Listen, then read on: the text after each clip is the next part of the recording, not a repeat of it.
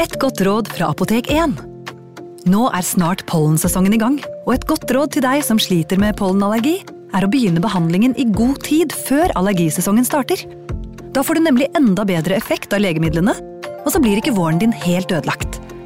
Kom innom og få råd på ditt nærmeste Apotek 1, eller chat med oss på apotek1.no. Apotek 1 vår kunnskap, din trygghet.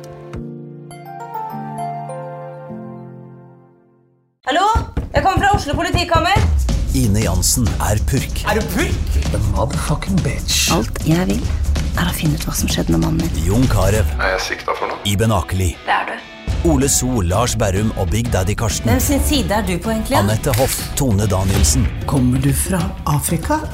Jørnis Josef, Nesten kløfta. Trond Espen Seim, Det er synd å si det, men det var feil mann som døde. Purk. Premiere tirsdag på TV2 Play. Advarsel. I denne podkasten vil du høre historier basert på informasjon programlederne har funnet selv. Programlederne står ikke nødvendigvis inne for meninger og syn som fremstilles. Noen påstander kan avvike fra virkeligheten.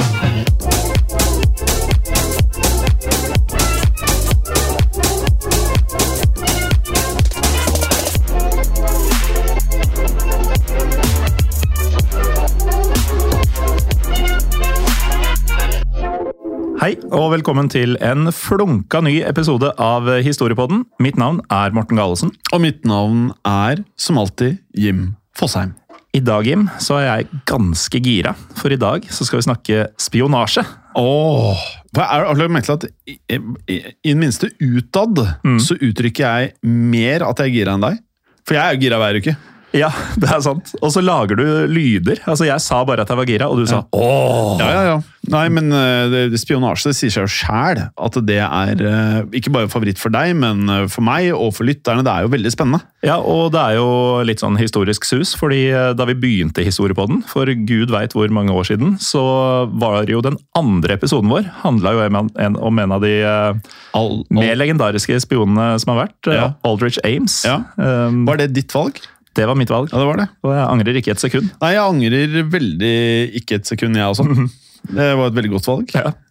Men uh, i dag så skal vi snakke om en helt annen uh, spion. Ja, det skal vi. Uh, først så kan vi jo starte med å nevne da denne andre podkasten vår, nemlig Historie på den andre verdenskrig, yeah. som du finner på Spotify og iTunes, og der du måtte lytte til podkast. Det er korrekt. Det er riktig. riktig. Uh, og så har vi gruppen vår, Historie for alle. Vi nærmer oss 5100 medlemmer. Ihuga medlemmer. Mm. Ja, det er eh, aktivitet der.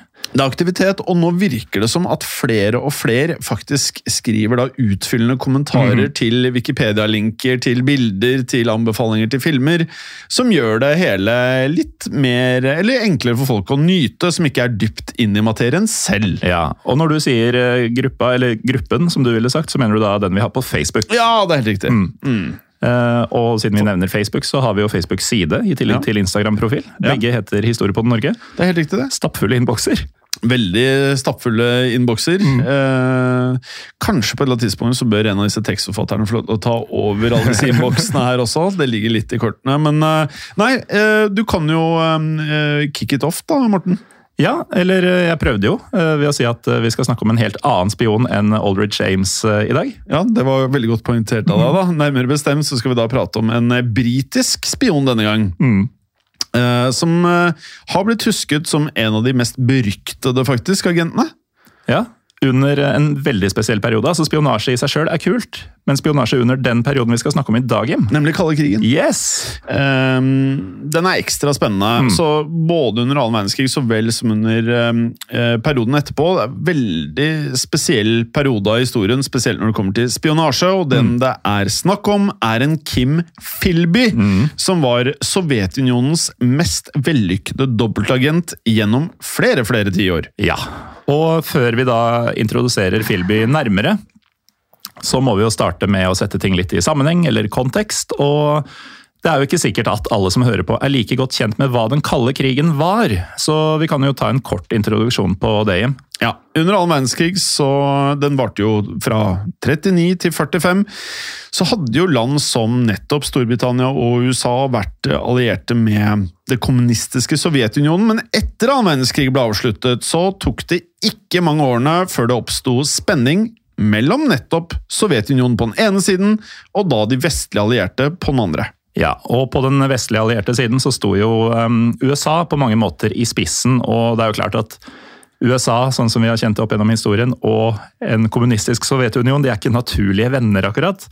Så allerede i 1947 så ble betegnelsen kald krig brukt for første gang i USA for å beskrive forholdet mellom Sovjetunionen og de vestlige allierte. Ja, Som da beskriver vel at uh, altså det er ikke en hot war, altså det er ikke skudd avfyrt, mm. men det er da propaganda, det er spionasje, det er overvåkning, det er trusler. Folk levde i frykt. Ja, altså Man gjør alt for å etablere et slags overtak og en kontroll på motparten, uten å faktisk gå til uh, fysisk strid. Hvis vi spoler frem til 1949, eh, altså to år etter det du nettopp nevnte, så etablerte den vestlige forsvarsalliansen, Nato, mm. eh, som da skulle forsvare Europa mot nettopp kommunismen som Sovjetunionen angivelig da forsøkte å spre innover Europa. Ja, og Samtidig så følte jo Sovjetunionen seg også trua av Nato, og derfor oppretta de en egen kommunistisk forsvarsallianse kalt Warszawapakten som et svar. Og Denne alliansen besto av forskjellige land i Øst- og Sentral-Europa som var under sovjetisk innflytelse. Ja, og Sovjetunionen hadde jo da som kjent tatt kontroll over flere land i Øst-Europa i forbindelse med annen verdenskrig. F.eks. da den østlige delen av Tyskland, som da hadde blitt delt i to forskjellige stater etter annen verdenskrig, nemlig Vest- og Øst-Tyskland. Ja, og der Vest-Tyskland var i Nato, og Øst-Tyskland var i Warszawapakten. Ja, det er litt en, Det er en uvant måte å se det på. Det er det. Og det som gjorde spenninga mellom disse to forsvarsalliansene, ledet på hver sin side av USA og Sovjetunionen, så skummel, var at begge partene satt på enorme mengder atomvåpen. Ja, Eh, og den overhengende faren da, gjennom hele den kalde krigen var nemlig at eh, det da skulle oppstå en eh, atomkrig. Mm. Um, og man må jo huske på også at annen verdenskrig ble jo avsluttet av at det ble sendt ut to atombomber. Så det var jo ikke utenkelig at noen kunne finne på å bruke atomvåpen? Nei, på ingen måte. Eh, og i denne forbindelse så oppsto det da et militært kappløp mellom USA og Sovjetunionen, der begge parter forsøkte å skaffe seg et overtak i tilfelle det var slik at en konflikt skulle bryte ut. Og På den måten ble spionasje en måte å kunne oppnå et forsprang på fienden. Og Både Nato-landene og Sovjetunionen forsøkte konstant å skaffe seg informasjon om motpartens hemmeligheter gjennom spioner. I tillegg til at man selvfølgelig skulle hindre motparten i å få informasjon om hva man selv holdt på med. Ja, og Sånn holdt man jo da på gjennom mesteparten av den kalde krigen, som varte fra ca. 1947 til 1989. Og med det sagt, Jim, så kan vi endelig introdusere dagens hovedperson litt nærmere. Ja, da må vi hoppe noen år tilbake i tid, for eh, Kim Philby ble nemlig født 1.1.1912. Og hans fulle navn var Harold Adrian Russell Philby, men han fikk da kallenavnet Kim, mm. som jeg kan forstå hvis man hadde hatt Kim i navnet på et eller annet uh, ja, ja. Et eller annet sted der. Men det var altså Harold Adrian Russell Philby. Det er ja. ikke noe som ligner Kim i det navnet. Visstnok etter hovedkarakteren i en bok som da heter nettopp Kim, skrevet av den britiske forfatteren Rudyard Kipling. Og karakteren Kim var da en spion, selvfølgelig. Nei. Og når det gjelder vår Kim, altså Kim Philby, så skulle man da kanskje tro at han ble født i nettopp Storbritannia. Men eh, det ble han ikke. Filby Philby ble faktisk født i India, nærmere bestemt i byen Ambala, som lå i Punjab-provinsen. Eh, India var jo på denne tida en britisk koloni, og Philby ble født i landet ettersom faren hans, St. John, intet mindre, Philby, arbeidet som byråkrat i den britiske koloniadministrasjonen. Ja. St. John skal blant annet ha snakket minst seks språk. Oi. Hvor mange er det du snakker, eh, Gallosen? Eh, to og et halvt, kanskje. To og et halvt, ja. Mm. Det er et stykke unna, selvfølgelig. Mm. Ja, Det var ikke så mye som jeg trodde. Jeg trodde du kunne tre, kanskje tre og et halvt. Jeg. Nei, jeg kan jo norsk og engelsk, og så har jeg studert tyrkisk, men jeg ville aldri si at jeg kan språket. Nei. Nei. Men har, har, du ikke litt tysk eller fransk? da? Jeg hadde fransk på videregående. En kvarting. Mm. Så to kvart. Ja, ok. Ja, det er lov å skryte på seg nå. To og til sammen tre kvart, da. Ja, det ville jeg kanskje sagt, da. Mm. Um, og språkene som man da Altså, to av de seks språkene var da arabisk og persisk. To språk som jeg syns er meget fascinerende og kunne tenkt meg å kunne selv. Absolutt.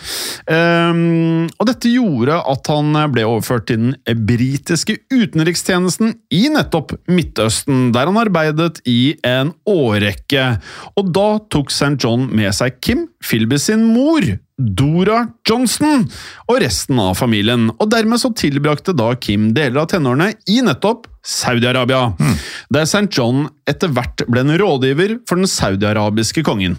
Og senere konverterte St. John faktisk til islam i 1930. Men mer relevant for resten av historien er det at St. John i tillegg var en uttalt sosialist, som da på denne tiden var nært forbundet med kommunisme. Og her skulle det vise seg at sønnen, Kim, han slekta på sin far. En ting, Morten, og for å gjøre det enkelt for lytterne, så når vi da sier Filby eller Kim, selvfølgelig, så refererer vi da til Kim Filby Ja. fremover i episoden. Faren er ute av dansen for nå. Ja, for eh, da Philby ble sendt tilbake til Storbritannia for å da ta utdanningen sin der, så skal han begynne å vise det faren senere beskrev som a leaning towards communism. Ja, og dette skal særlig ha vært tilfellet da Philby gikk på universitetet Cambridge, der han studerte både historie og også økonomi. Og Philby ble da uteksaminert fra Cambridge i 1933, og på 30-tallet hjem så var jo som kjent eh, nazismen og fascismen i framvekst, noe den venstreorienterte Philby ønsket å stanse. Så Philby ble derfor involvert i en organisasjon som kalte seg intet mindre enn World Federation for the Relief of the Victims of German Fascism. Ja, Eh, Dette var slik navnet da også tilsier, en organisasjon som tok sikte på å hjelpe folk som da hadde blitt eh, ofre for nazistene, nazistene, som jo da hadde tatt makten i Tyskland i 33. Organisasjonen ble da drevet av en tysk kommunist ved navn Willy Münzenberg. Og gjennom engasjementet sitt for å hjelpe flyktninger fra Nazi-Tyskland, så havna Philby i et miljø som besto av nettopp kommunister.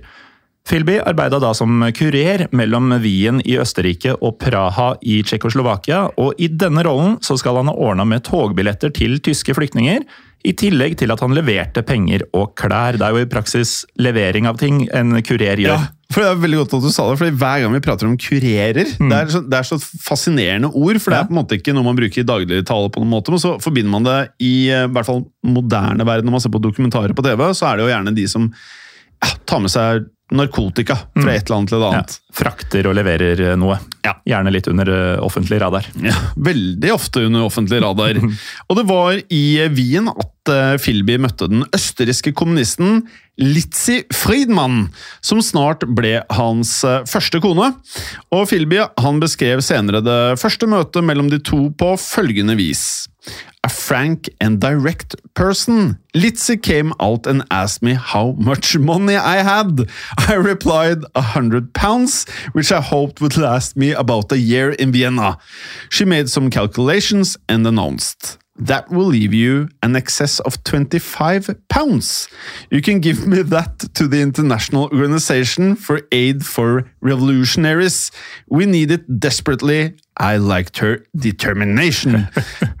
Fordi det er jo lett å tenke at eh, hun var ute etter cash, men han hadde jo ikke så mye cash. Nei, eh, men han hadde jo tydeligvis eh, mer enn nok cash til å klare seg et år i Østerrike. Litzy ville jo da ikke at hun skulle bruke det på han eller materielle goder, men på revolusjonær bistand. 100 pund, det er jo vanskelig å se for seg at det varer sånn veldig lenge i dagens valuta, men uh, tydeligvis litt andre tider, da. Ja, jeg har jo vært i Wien i våre dager, og 100 euro, da, som de ville brukt der. eh, si 120-150 pund et sted. Nei, ja, noe sånt. Ville. Ja. Ja. Uh, det ville ikke holdt uh, en helg engang. Men eh, det var den gang. Ja, det var den gang.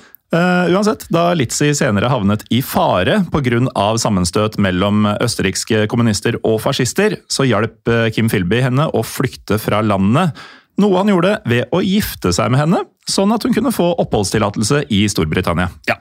Vi har da kommet til året 1934, og på dette tidspunktet så hadde Philbys politiske engasjement blitt lagt merke til av Sovjetunionen. Og Vi nevnte jo tidligere Morten, at Sovjetunionen og de vestlige allierte var eh, svært opptatt med å spionere på hverandre under den kalde krigen. Ja, men eh, spionasje var jo i høyeste grad noe som ble utført også i tiden før den kalde krigen og tiden før andre verdenskrig. Så etter den russiske revolusjonen i 1917 så var nemlig mange vestlige land redde for at kommunistene som hadde tatt makta i Russland og oppretta Sovjetunionen, skulle forsøke å spre revolusjonen vestover. Samtidig Morten, så fryktet jo Sovjetunionen at vestlige land da skulle forsøke å velte det sovjetiske kommunistregimet. Mm. Og Derfor så var det mye Det var spenning, og det resulterte jo da i at man måtte vite hva den andre drev med. Mm. Og nettopp derfor så var det mye spionasje mellom Sovjetunionen og Vesten, også på 20- og 30-tallet. Og Philby hadde da blitt en interessant mann for Sovjetunionen, som på denne tida forsøkte å rekruttere spioner i Storbritannia.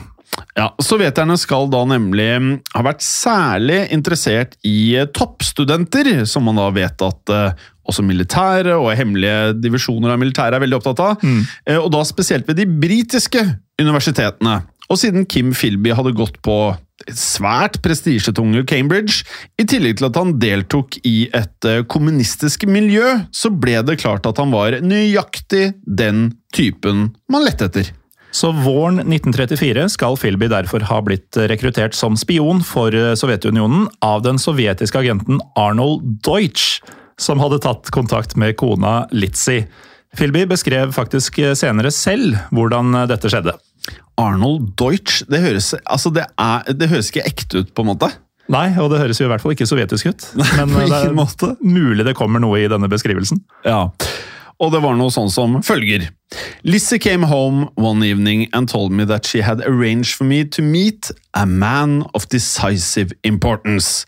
I questioned her about it, but she wouldn't give me any details. The rendezvous took place in Regent's Park. The man described himself as Otto. I discovered much later from a photograph that the name he went by was Arnold Deutsch. I think that he was of Czech origin. Though a convinced communist, he had a strong humanistic streak. He hated London, adored Paris, and spoke of it with deeply loving affection. He was a man of considerable cultural background. Ja, så Philby skal altså ha anbefalt flere personer i omgangskretsen sin fra studietiden ved Cambridge til Deutsch som deretter da skulle forsøke å rekruttere disse i tillegg. Og det ble starten på en av de mest beryktede spionringene i britisk historie. Ja, det er helt riktig, og du merker jo her nå at dette er jo veldig fascinerende, Morten. Mm. Um, for det man vet med sikkerhet, og vi vet jo her i Historiebåten at det er få ting ved historien som er 100 uh, sikkert. Og Derfor er det ekstra deilig når vi vet ting. Ja, det er riktig det. Um, men det vi da faktisk vet, er at minst fire av de tidligere medstudentene til Philby også lot seg rekruttere som sovjetiske spioner. Og sammen så har de blitt eh, husket som The Cambridge Five. Og Grunnen til at eh, The Cambridge Five ble en såpass berykta gjeng med spioner, var at eh, de alle etter hvert endte opp i høytstående stillinger i det britiske regjeringsapparatet. Og dette med Cambridge 5, eh, Morten, vi kan jo allerede her nevne, for de av dere lyttere som er veldig interessert i dette temaet, så blir jo det en egen episode. Men vi kommer bare til å nevne det litt i sammenheng av historien mm. til dagens mann. Men vi kan jo da nevne at noe de hadde til felles, som gjorde at alle fem da valgte å spionere for nettopp Sovjetunionen, var at de da delte et kommunistisk syn på politikk. Og på 30-tallet oppfattet medlemmene av The Cambridge Five også slik at kommunismen var det beste forsvaret mot den fremvoksende nazismen og fascismen. Og med det sagt så kan vi hoppe tilbake til Kim Philby. Som fersk sovjetisk spion så begynte han nemlig å klatre oppover på karrierestigen i Storbritannia i løpet av 1930-tallet. Philby starta som journalist og skal ha reist mye i forbindelse med denne jobben. Og sånn havna han i Spania under den spanske borgerkrigen, som varte mellom 1936 og 1939. Ja, og som vi har vært gjennom historiebåndet før, så var jo da den spanske borgerkrigen det var jo noe som ble utkjempet mellom en republikansk og en fascistisk side i landet. Mm. Og Fascistene de mottok da militær støtte fra Nazi-Tyskland. Det her nevnte Vi vel, eh, vi har jo nevnt det i mange episoder nå nylig i historien på den andre verdenskrig òg, faktisk. Ja, det er sant det. Ja, Så søk dere gjennom biblioteket der hvis dere ønsker mer om det. Ehm, for Nazi-Tyskland, da, som under Hitler da hadde begynt å fremstå som en truende militærmakt. Og Derfor så var britisk etterretning interessert i å innhente informasjon om de tyske militærenhetene som da hadde blitt sendt nettopp til Spania. Uh, og da kan vi jo bare legge til at de ble jo sendt hit for å teste ut våpen og teste ut hvor effektivt det var. da. Mm. Og der kom jo Philby inn i bildet. Han ble nemlig rekruttert til å jobbe for den britiske etterretningstjenesten, som selvfølgelig da ikke hadde etterretning om at Philby allerede hadde blitt rekruttert av Sovjetunionen. Med andre ord en vaskeekte dobbeltagent, dette yes. her. Ja. Og under en um, dekk dekkrolle eller dekknavn som journalist, så kom Philby faktisk tett på den spanske fascistledelsen. Såpass tett at han faktisk skal ha hatt direkte tilgang til lederen for de spanske fascistene, altså ja. selveste general Francisco Franco. Ja, Det er ganske vilt. Da er du tett. Ja, er også, også, Du må jo hele tiden leve en løgn. Mm. Det er ganske godt gjort. Ja. Um, og nettopp derfor så ble Philby bedt om å rapportere Francos uh, sikkerhetsrutiner. Eh, av den sovjetiske etterretningstjenesten, som da planla et mulig attentat på nettopp eh, Franco, eh, uten at det var noe som lot seg gjennomføre. Nei, i stedet så endte dette med at Filby faktisk mottok en æresmedalje fra Franco da Philby ble skadet idet bilen han satt i nesten ble sprengt under et av slagene han dekka som journalist. Og sympatien han så mottok, den utnytta Filby for å bedre kunne spionere på de spanske fascistene. Ja, og Senere skal Filby ha sagt følgende Before then, there had been a lot of criticism of British journalists from Franco's officers who seemed to think that British in general must be a lot of communists. After I'd been wounded and also decorated by Franco himself, I became known as the English decorated by Franco, and all sorts of doors opened to me. Foreløpig så får du veldig mye av engelsken i dagen. Ja, jeg føler at tekstforfatteren vet at jeg er stødig på engelsk. ja, jeg syns du klarer det bra. Ja. Men han sa at eh, alle disse dørene åpna seg foran, og disse dørene utnytta han såpass effektivt at den britiske etterretningstjenesten til slutt var meget fornøyd med Philbys eh, bidrag. Da han eh, vendte hjem til Storbritannia etter den spanske borgerkrigen, som for øvrig da endte med fascistisk seier, så tok det derfor ikke lang tid før Philby ble ansatt i MI6. Ja, og da bør det ringe en del uh, bjeller. Uh, I det minste, hvis man har sett én, to eller 20 James Bond-filmer. Mm. For James uh, han jobber jo nemlig for MI6, som er den britiske seksjonen for utenlandsetterretning. Mm. Og I løpet av annen verdenskrig så ble jo da Philby tungt involvert i denne delen av spionverdenen. Mer om dette etter en kort pause. Velkommen tilbake. Før pausen så snakka vi om at Kim Philby hadde begynt å jobbe for MI6, samtidig som han jo var kommunist, og også jobba for Sovjetunionen. Og MI6, det er eh, Jeg må si det er noe av det som låter heftigst ut. Ja, men sånne etterretningstjenestenavn er ofte ganske tøffe. Altså, ja. Du har Securitate, du har Mohabarat, du har CIA, Stasi. altså Det er mye tøffe navn. Ja, ja, ja. ja. Hva, hva, var det ene du sa? Mohabarat? Ja, det er uh, arabisk. Oh, ja. uh, de har det annet i Jordan. Ja, ok. Hm. Nå lærte jeg noe. Jeg har ikke mm. hørt om det før. Uh, Uansett, tilbake til historien. Philby han klarte jo da å gjemme disse kommunistsympatiene sine for nettopp arbeidsgiveren sin, altså MI6, ehm, der han nå gjorde stor karriere. Mm. Og I løpet av eh, annen verdenskrig så ble han eh, satt til å jobbe som instruktør for britiske sabotører, samtidig som han i skjul delte hemmelig informasjon med Sovjetunionen.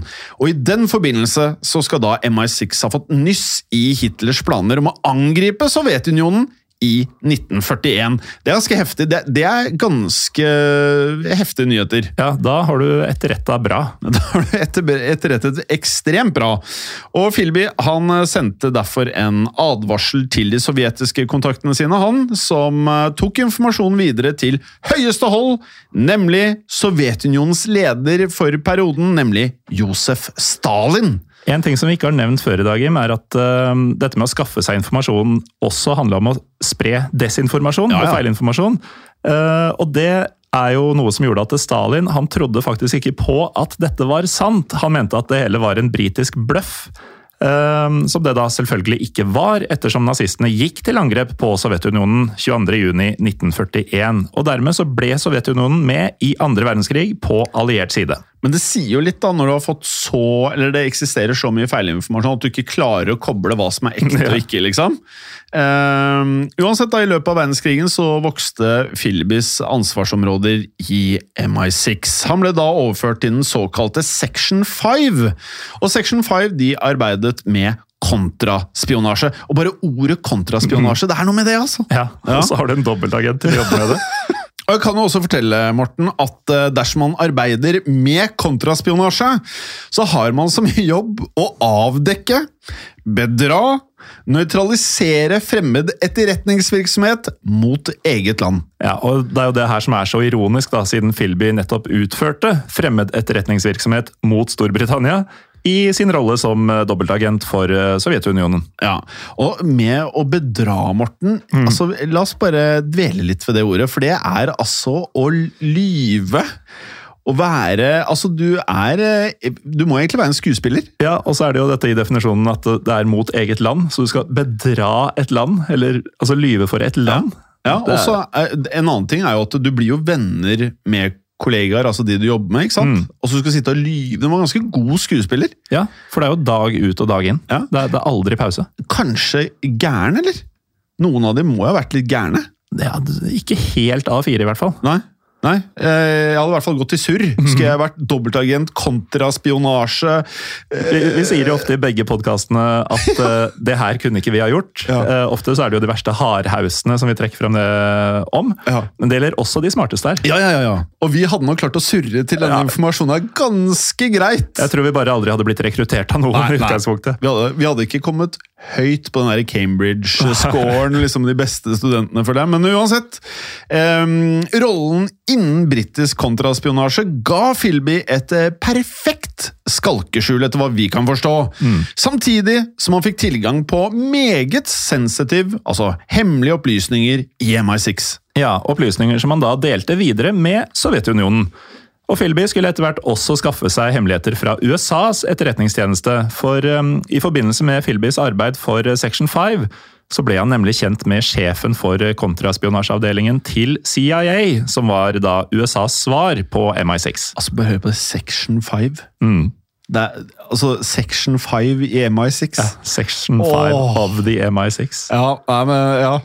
Eh, alt høres ut som en film, selvfølgelig, men eh, ja, uansett. eh, um, og denne sjefen het James Angleton. Og vi kan jo røpe, Morten, at eh, det er ikke lenge til eh, James Angleton får en egen episode. Nei, det er nok bare noen uker unna, hvis jeg husker riktig. Ja da, det er rett rundt hjørnet, og Philby og Angleton ble da etter hvert eh, meget gode venner.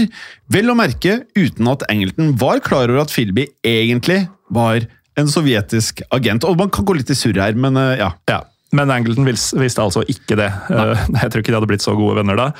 Um, Da andre verdenskrig var over, så begynte jo amerikanerne og britene å samarbeide mot eh, Sovjetunionen. Og Angleton og CIA de var i høyeste grad det man kan kalle antikommunister. Ja, Men likevel, skjønner du, Morten, så klarte Philby å operere rett under nesen på Angleton, CIA og også MI6. Men Philby skal ved flere anledninger likevel ha vært eh, nær ved å bli avslørt. Ja, f.eks. i 1945, da en sovjetisk agent ved navn Konstantin Volkov var i ferd med å hoppe av til Storbritannia.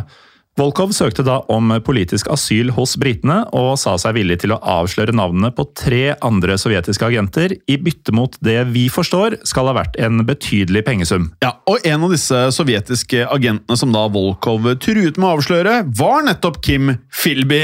Men heldigvis for Philby så falt saken eh, inn under hans eget ansvarsområde i MI6. Tenk deg hvor glad du er da! Ja. Når du ser det, så bare «Æ!» Og det var derfor nettopp Philby fikk jobben med å håndtere Volkov um, på vegne av britene. Det er jo litt flaks. Ja, Det er helt, det er vanvittig. Eh, Så Philby han planla derfor å reise til Istanbul i Tyrkia for å hente Volkov på vegne av MI6. Men i forkant av denne reisen så sørga Philby for å advare Sovjetunionen om at Volkov planla å hoppe av. Ja, Philby han brukte deretter eh, så lang tid som overhodet mulig på å komme seg til Istanbul, siden han da selvfølgelig visste at han selv ville bli avslørt som spion dersom Volkov ble henta til Storbritannia. Og da Philby omsider ankom Istanbul, hele 22 dager etter at Volkov først hadde tatt kontakt med britene, så hadde Volkov allerede blitt arrestert av Sovjetunionen og tatt med til Moskva der han antageligvis ble henretta ettersom han aldri ble sett igjen i live.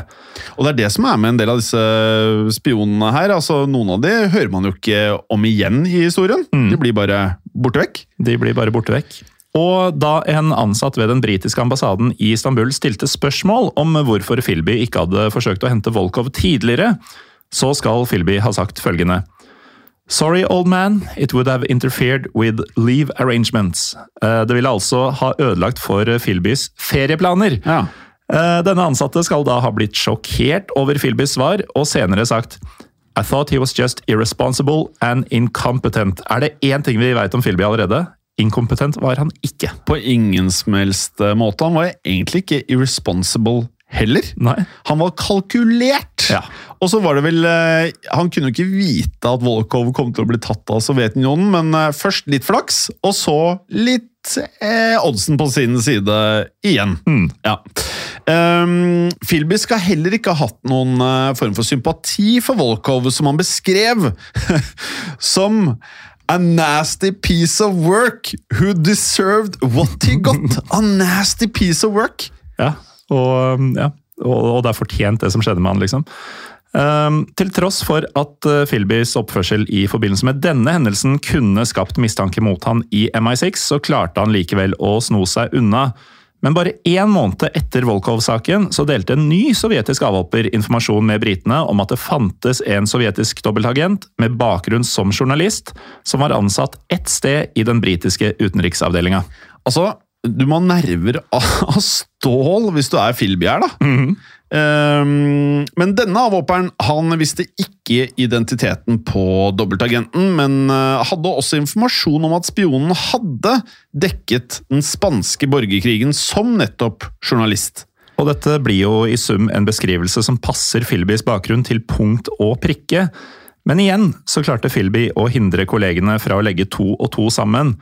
Eh, Jane Archer, eh, kvinnen som hadde intervjua denne sovjetiske avhopperen, ble nemlig overført til avdelinga Philby hadde ansvar for.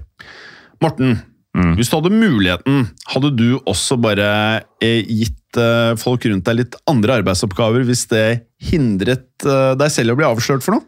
Det er et ganske ledende spørsmål, Jim, og jeg tror nok svaret ville vært ja. Ja, Hvis vi var agenter som drev med kontraspionasje, blant annet. Ja, Hvis jeg hadde hatt en trent agenthjerne, så ville ja. jeg fort gjort det. Ja, og um, Tilfellet var jo at for å hindre Archer i å finne ut mer om Philbys egen bakgrunn, så tok Philby henne derfor av saken og ga henne andre arbeidsoppgaver.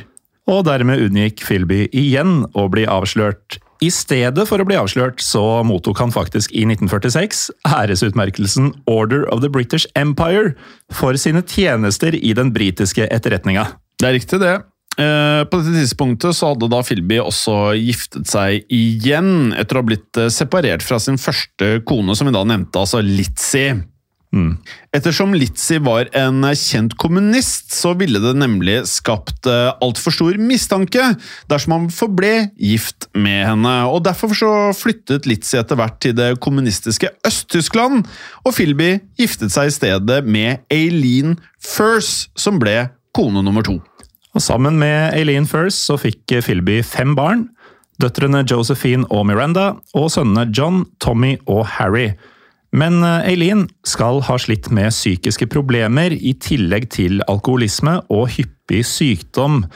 Likevel så skal hun i perioder ha bodd alene i den lille byen Crowborough i Sussex sammen med barna, mens Philby oppholdt seg i London der han jobba. Ja, Philby fikk så en stilling som sjef for britisk etterretning i Tyrkia, og tok derfor med seg også familien til Istanbul, og da var vi kommet til 1947. Og I Istanbul så fikk han i oppgave å sende små grupper med geriljasoldater inn i Tyrkias kommunistiske naboland, nemlig Albania, Armenia og også Georgia.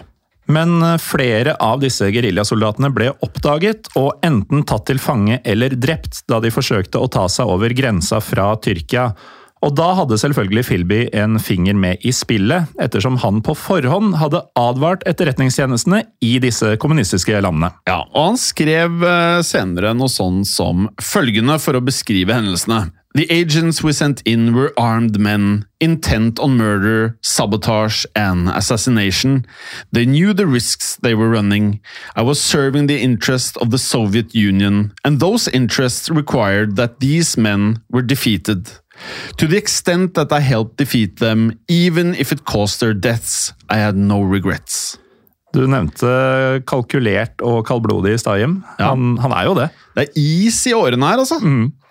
Etter ca. to år i Istanbul så ble Philby igjen omplassert. Denne gangen til USAs eh, hovedstad, Washington DC, der han begynte å jobbe ved Storbritannias ambassade som den britiske etterretningstjenestens hovedrepresentant. Ja, og da fikk han muligheten til å jobbe med James Angleton, som Filby Philby hadde blitt kjent med på 40-tallet, som vi nevnte.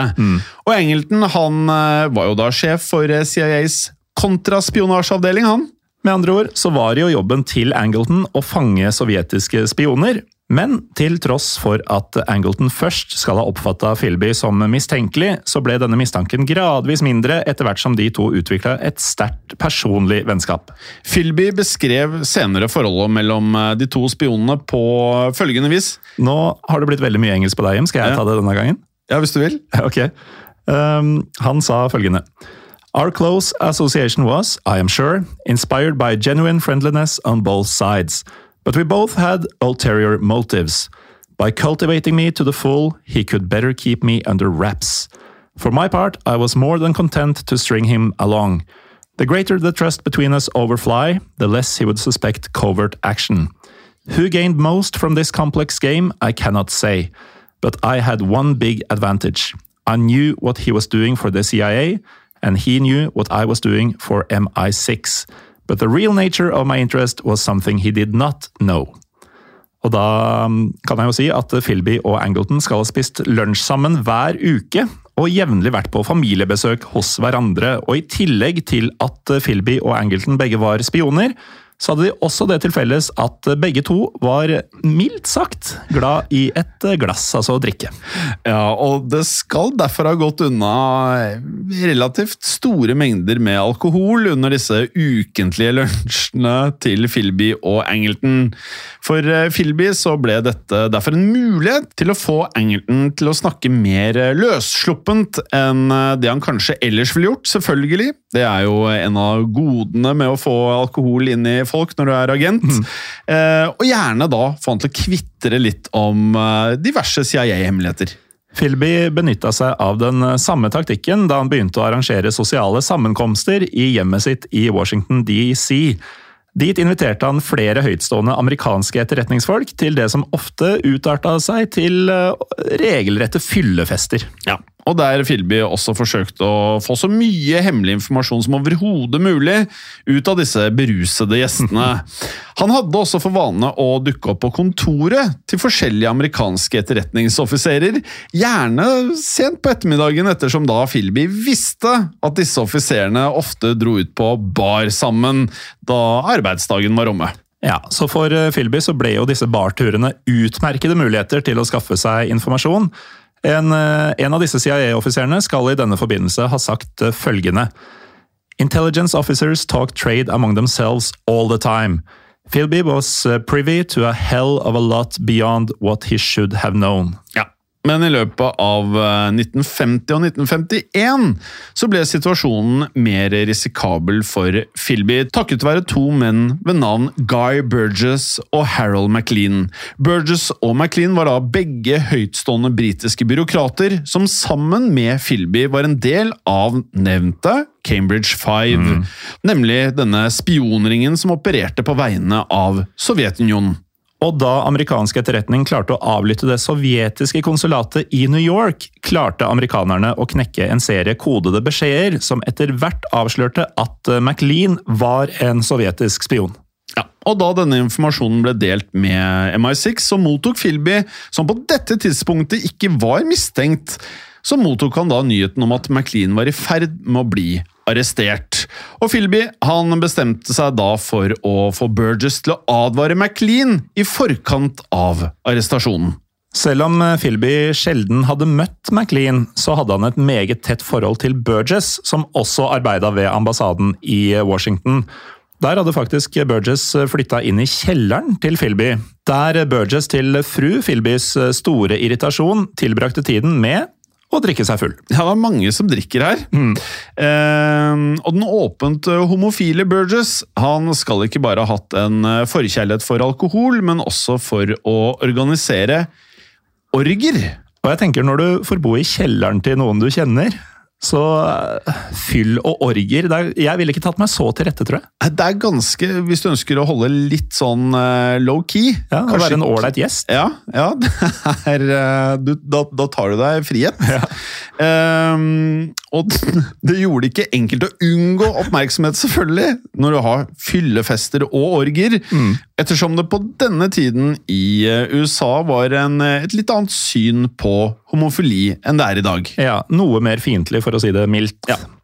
Likevel så skal Philby ikke nødvendigvis ha gjort sitt ytterste for å holde Burgess i sjakk. Ved en anledning så skal både Philby og Burgess ha forsvunnet fra arbeidsplassen på den britiske ambassaden i Washington. Og da noen kolleger banka på hos Philby, så fant de Philby og Burgess liggende sammen på en seng mens de drakk champagne, ikledd slåbroker. Ja, og til tross for at Burgess eh, var det man kanskje ville kalle en uh, loose cannon on deck, mm. så bestemte likevel Philby seg for at Burgess han var mannen til å reise for å advare McLean, som på dette tidspunktet befant seg i Storbritannia. Philby skjønte at dersom McLean ble arrestert, så ville det potensielt avsløre Philbys identitet som sovjetisk spion, men han forsto også at dersom Burgess ble mistenkt for å ha advart McLean, så ville dette også gjøre at Philby, som var kjent for å være nær kollega av Burgess, risikerte å bli dratt inn i søkelyset. Ja.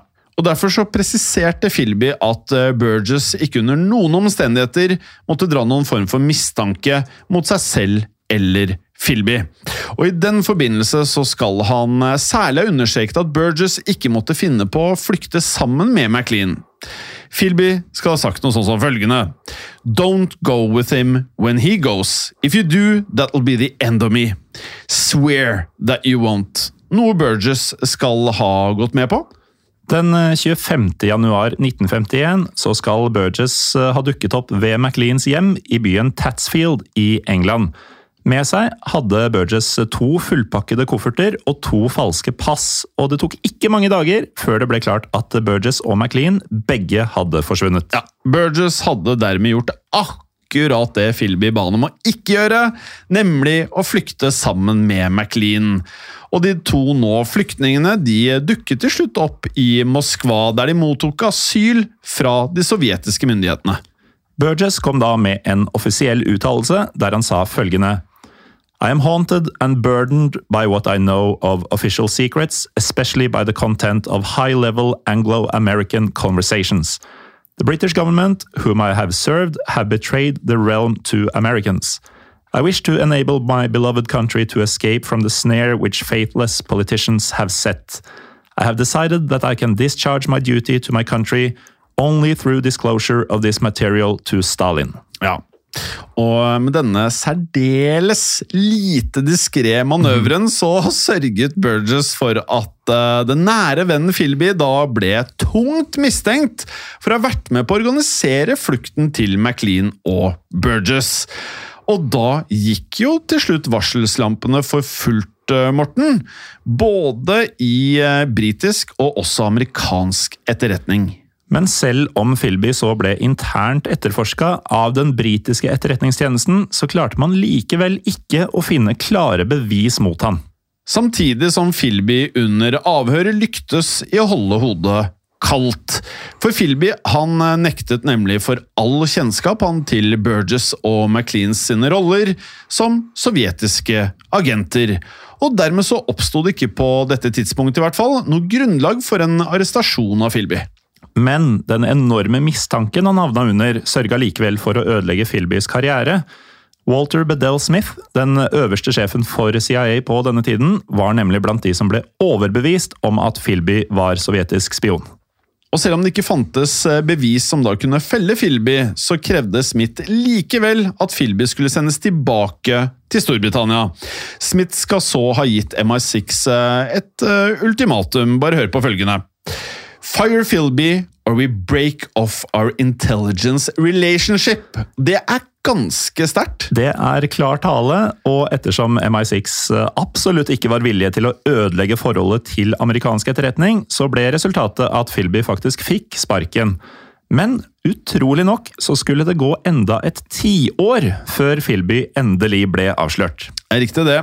I løpet av 1950-tallet hang det fortsatt en, eh, ja, en sky av mistanke over Filby, som nå slet med å finne seg eh, en annen form for jobb. Mm. Og på dette tidspunktet, Morten, så eh, har vi forstått det slik at Filby han begynte å drikke altså Takten for uh, å ta til seg alkohol, den økte. Han drakk tettere enn før. Han, drakk, han drakk mye tettere enn uh, før, og etter hvert så skulle da Filby rett og slett gå tilbake til å jobbe som journalist. Men han påtok seg likevel uh, en del mindre oppdrag for britisk etterretning innimellom, på det man kan kalle frilansbasis.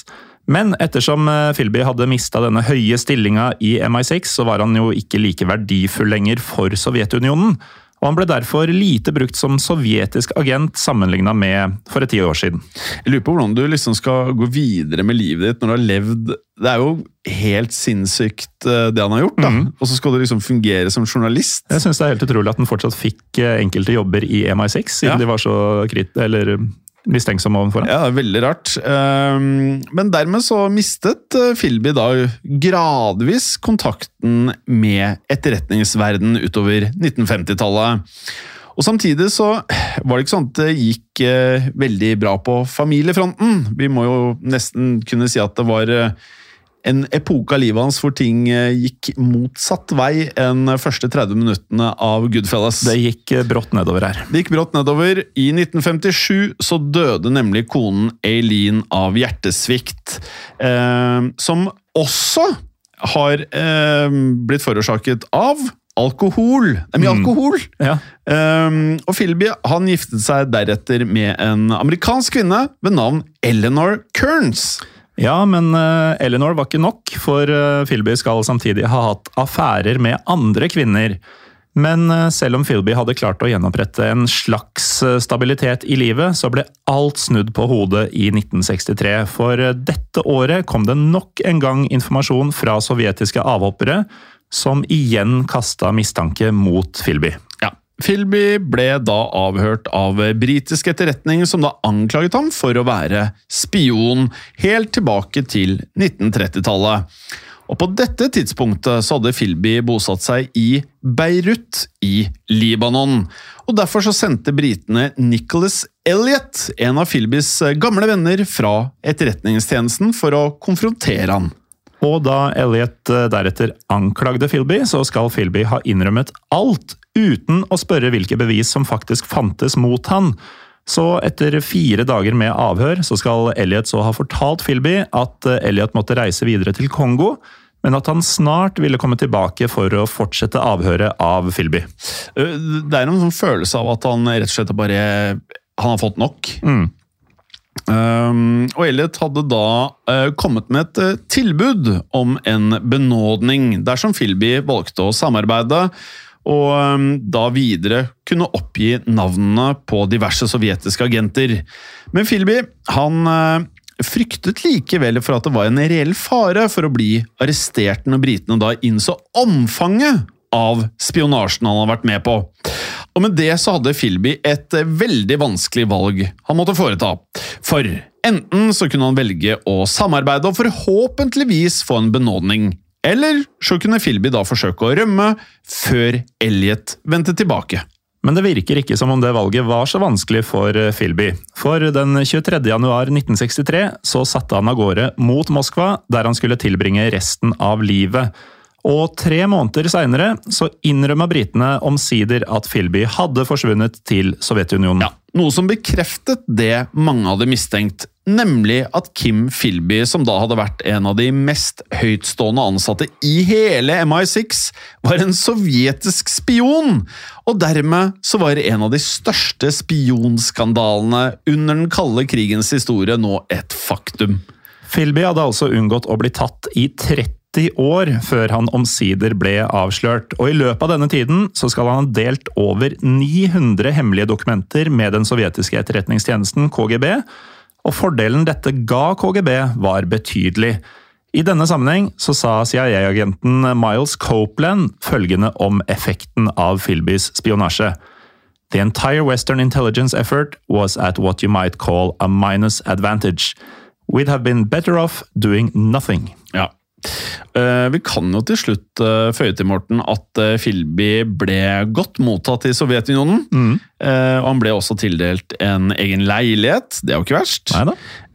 I tillegg til at han mottok en månedslønn fra den sovjetiske staten, som i dag tilsvarer noe som Det er jo en fin slump med penger, dette. I overkant av 50 000 kroner. Ja, altså 50 000 kroner i månedslønn i Norge i dag, hvor det er dyrt, er jo veldig fint. Ja.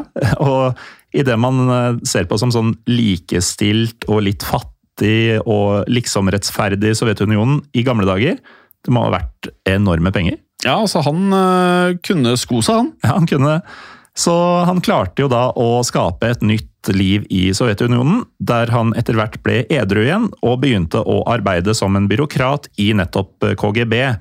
Samtidig så ble Philby hyppig brukt i sovjetisk propaganda, bl.a. da han utga et memoar i 1968 der Philby fremstilte seg selv og KGB i det man må kalle et meget godt lys, Jim. Ja, det vil jeg si. I tillegg så skal Philby ha startet nok en affære. Denne gang med Melinda McLean. Altså konen til spionkollegaen Donald McLean, som da hadde flyktet til Moskva i 1951. Verden er ikke stor noen ganger. Nei, den er ikke det. Av alle kvinner. Eh, Og denne affæren førte da til en skilsmisse med Philbys kone nummer tre, nemlig nevnte Eleanor, som da hadde fulgt etter ham til Moskva, stakkars. Ja, og man tenker jo at tre koner og tre skilsmisser er nok, men det tenkte ikke Kim Philby, som eh, giftet seg igjen med en 20 år yngre russisk kvinne ved navn Rufina Pukova, som han forble sammen med faktisk resten av livet. Og på sine eldre dager så mottok Kim Philby også iblant besøk fra Storbritannia av barnebarnet sitt eh, Charlotte. Ja. Helt til slutt så kan jeg også nevne at Philby også mottok Sovjetunionens høyeste æresutmerkelse da han fikk tittelen Helt av Sovjetunionen. Så han har blitt dekorert av fascisten Franco, av den britiske regjeringa og av den sovjetiske regjeringa. Ja, det her er, eh, det er ganske imponerende det han har fått til, altså. Ehm, han døde omsider i 1988 og rakk å bli 77 år gammel. Jeg må jo si det er en uh, høy alder for en person som uh, Altså, han har vært stressa hele livet sitt. Ja, han uh, har ikke ligget og slappa av ved Middelhavet i ro og mak, han. Drukket masse alkohol, og ikke bare måtte han Altså, det var dette her han måtte frykte om å bli tatt hele tiden, også etter han var ferdig, når han jobbet som journalist etter spionkarrieren. Ja, så Vi nevnte jo i stad at man kan jo aldri skru av denne, denne karakteren man spiller overfor alle. Du kan jo heller ikke skru av den frykten og angsten du helt sikkert føler på hele tida. På ingen måte. Um, og så til sist, uh, Morten, så uh, var det sånn at uh, kisten til Filby den fikk en uh, offisiell æresvakt bestående av KGB-agenter. Ja, Det er altså um, behandlinga en fallen helt av Sovjetunionen får. Han Ja. skal beskyttes av ja. KGB. Altså Da står det fysisk KGB-agenter og vokter i kisten din. Ja, Ja, da, da har du oppnådd en viss respekt i det samfunnet, i hvert fall. Ja, det har du. Eh, og med det, Morten, så er det vel lov å si at vi kanskje har gjennomført en av de mest spennende spionepisodene våre så langt, eller? Ja, øh, vi nevnte jo Aldrich Ames øh, tidligere. Jeg syns nesten at øh, Philby han går Ames en høy gang. Ja, for Ames han var litt mer sånn Var han litt enklere? Jeg tror det. Mm. Ja, Litt sånn han var ute etter pengene, og det var det. Og så var han ikke så smart med bruken av pengene. Altså, som vi nev jeg nevnte Goodfellas tidligere. Når eh, Jimmy sier til alle de andre mafiagutta 'ikke bruk en krone'! Eller som Egon sier uh, i Olsenbanden til de andre gutta, at nå må vi holde en lav profil. Eh, det gjorde ikke Aldrich Ames. Nei, det gjorde han ikke. Eh, og med det, folkens, hvis dere har forslag til andre spioner eller eh, temaer innenfor kalde krigen, send det til oss eh, på Instagram eller Facebook-siden vår Historiepodden Norge, eller del forslag. Sett gjerne opp en meningsmåling på Facebook-gruppen vår Historie for alle. Ja, for det evner dere. Det evner dere bedre enn oss. Vi har prøvd, Ja. og det gikk ikke så bra. Um, Rate oss veldig gjerne på iTunes og Spotify. Og med det, Morten, så må vi jo si som vi alltid gjør. Det har skjedd. Og dette kan skje igjen. Det kan det, altså. Ha det bra. Ha det. Historiepodden ønsker å takke følgende. Dere som hjelper oss som sitter i produksjonen. Dere som hjelper oss som sitter i redaksjonen, inkludert eh, tekstforfattere. Det er helt riktig. Og dere som sitter på marked, som faktisk da gir oss muligheten til å drive med Historiepodden. Og selvfølgelig alle dere som hører på. Tusen takk. Moderne media. Har du et enkeltpersonforetak eller en liten bedrift? Da er du sikkert lei av å høre meg snakke om hvor enkelt det er med kvitteringer og bilag i fiken, så vi eh, gir oss her, vi. Fordi vi liker enkelt. Fiken superenkelt regnskap. Hei, og takk for at du lytter til Historiepodden. Skulle du ønske at du kunne høre en ny episode av Historiepodden hver eneste uke? Vel, da er det én ting å gjøre. Da kan du laste ned podkastappen Untold med det samme. For i tillegg til ukentlige episoder av podkaster som Historiepodden andre verdenskrig, Henrettelsespodden og også Gangsterpodden, så får du masse annet reklamefritt og også eksklusivt innhold. Last ned Untold i AppStore eller Google Play og start din 30 dagers gratis prøveperiode allerede i dag.